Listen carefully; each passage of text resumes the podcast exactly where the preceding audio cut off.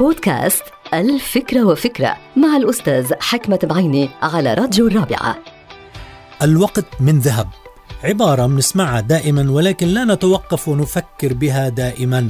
الوقت من ذهب لأنه إن لم تستخدمه بشكل إيجابي يذهب وتذهب معه الآمال والطموحات.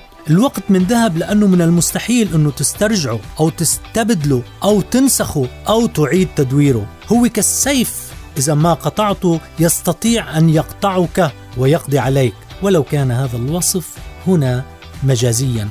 الوقت من ذهب لأنه يساهم في تنمية مهاراتك وعلومك ومعارفك ولأنه هو بيستطيع أن ينمي من علاقاتك الشخصية والعائلية والاجتماعية. هو ثمين لأنه قادر على مساعدتك للوصول إلى أهدافك ومبتغاك. الوقت كنز كبير من الساعات المفيدة والدقائق المهمة والثواني المصيرية بعكس كل العلاقات الأخرى. هو الصديق حتى ولو استغليته واستخدمته لحظة بلحظة. ولكن هو العدو اللي ما بيرحم إذا ما تجنبته أو تركته وشأنه.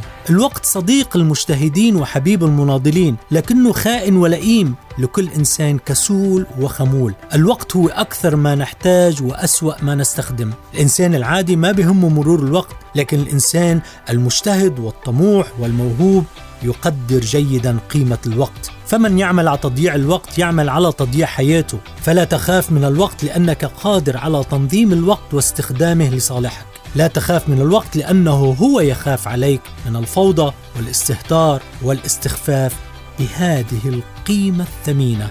انتهت الفكرة. هذه الحلقة مقتبسة من كتاب الفكرة وفكرة.